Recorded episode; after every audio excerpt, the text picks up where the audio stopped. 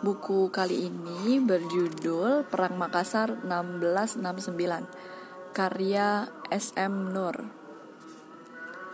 Um, ini adalah novel sejarah tentang Perang Makassar. Penerbitnya Kompas. Mari kita mulai. Air beriak menandakan tiadanya kedalaman.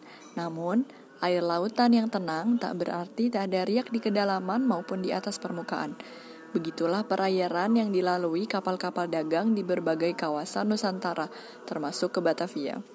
Perompak tersebar di mana-mana, dan itulah yang senantiasa membuat permukaan laut jadi penuh riak dan ombak. Juga, juga di kedalaman jika kapal-kapal dan awak kapal yang menyertainya kemudian ditenggelamkan. Para perompak senantiasa sigap memalak setiap kapal dagang yang lewat, Selat Flores mencatat beberapa kapal dibakar dan ditenggelamkan sebelum perbekalannya dijarah. Awak kapal yang mengawal perbekalan dan masih hidup di atas kapal dipastikan ikut terbakar atau ikut tersedot pusaran air laut bersamaan dengan karamnya kapal. Awak kapal yang masih hidup dan berusaha mempertahankan nyawa dengan berpegangan pada puing-puing kapal yang masih terapung bakal meregangkan ajal karena letupan senapan. karena letupan senapan segera mengoyak tubuh mereka. Bahkan jauh sebelum binatang laut mencium aroma anyir yang memancing mereka untuk meruncingkan taring-taringnya dan mencabik-cabiknya para awak kapal itu. Selat Flores menjadi catatan sejarah terbuka bagi pelayaran menuju Batavia, Mataram, juga Madura bagi perompakan yang senantiasa membawa korban itu.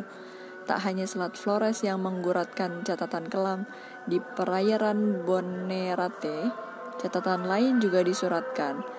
Seorang perwira muda di kampung Bira karena ulahnya juga mengguratkan sejarah di perairan itu. Sejarah kelam bagi yang kapal-kapalnya tenggelam, sejarah kemenangan dan kedigdayaan bagi yang menenggelamkan kapal-kapal dagang yang ternyata sekaligus menjadi kapal perang. Perwira muda dari kampung Bira atas perintah ayahnya melakukan patroli di seputar perairan Bonerate, wilayah pengawasannya, agar pelayaran dagang berjalan lancar. Mendapati bahwa para perompak yang menjegal segenap pelayaran itu adalah kapal-kapal milik maskapai Belanda, taulah perwira muda asal kampung Bira itu. Belanda sengaja melakukan blokade di laut terhadap segenap perdagangan di Nusantara, termasuk dengan kerajaan Goa. Kerajaan yang antara lain menghidupi warga kampung Bira. Perwira muda kelahiran kampung Bira itu masih mampu menahan geram untuk tidak serta-merta langsung melabrak kapal-kapal maskapai Belanda itu. Dia masih berusaha menggunakan tata krama kesatria.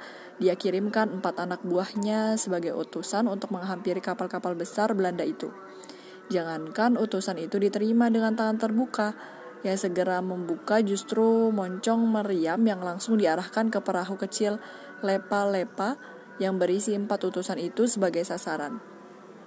Abu lepa-lepa dan empat prajurit itu lenyap dalam dalam senyap diserap air lalu yang senantiasa beriak.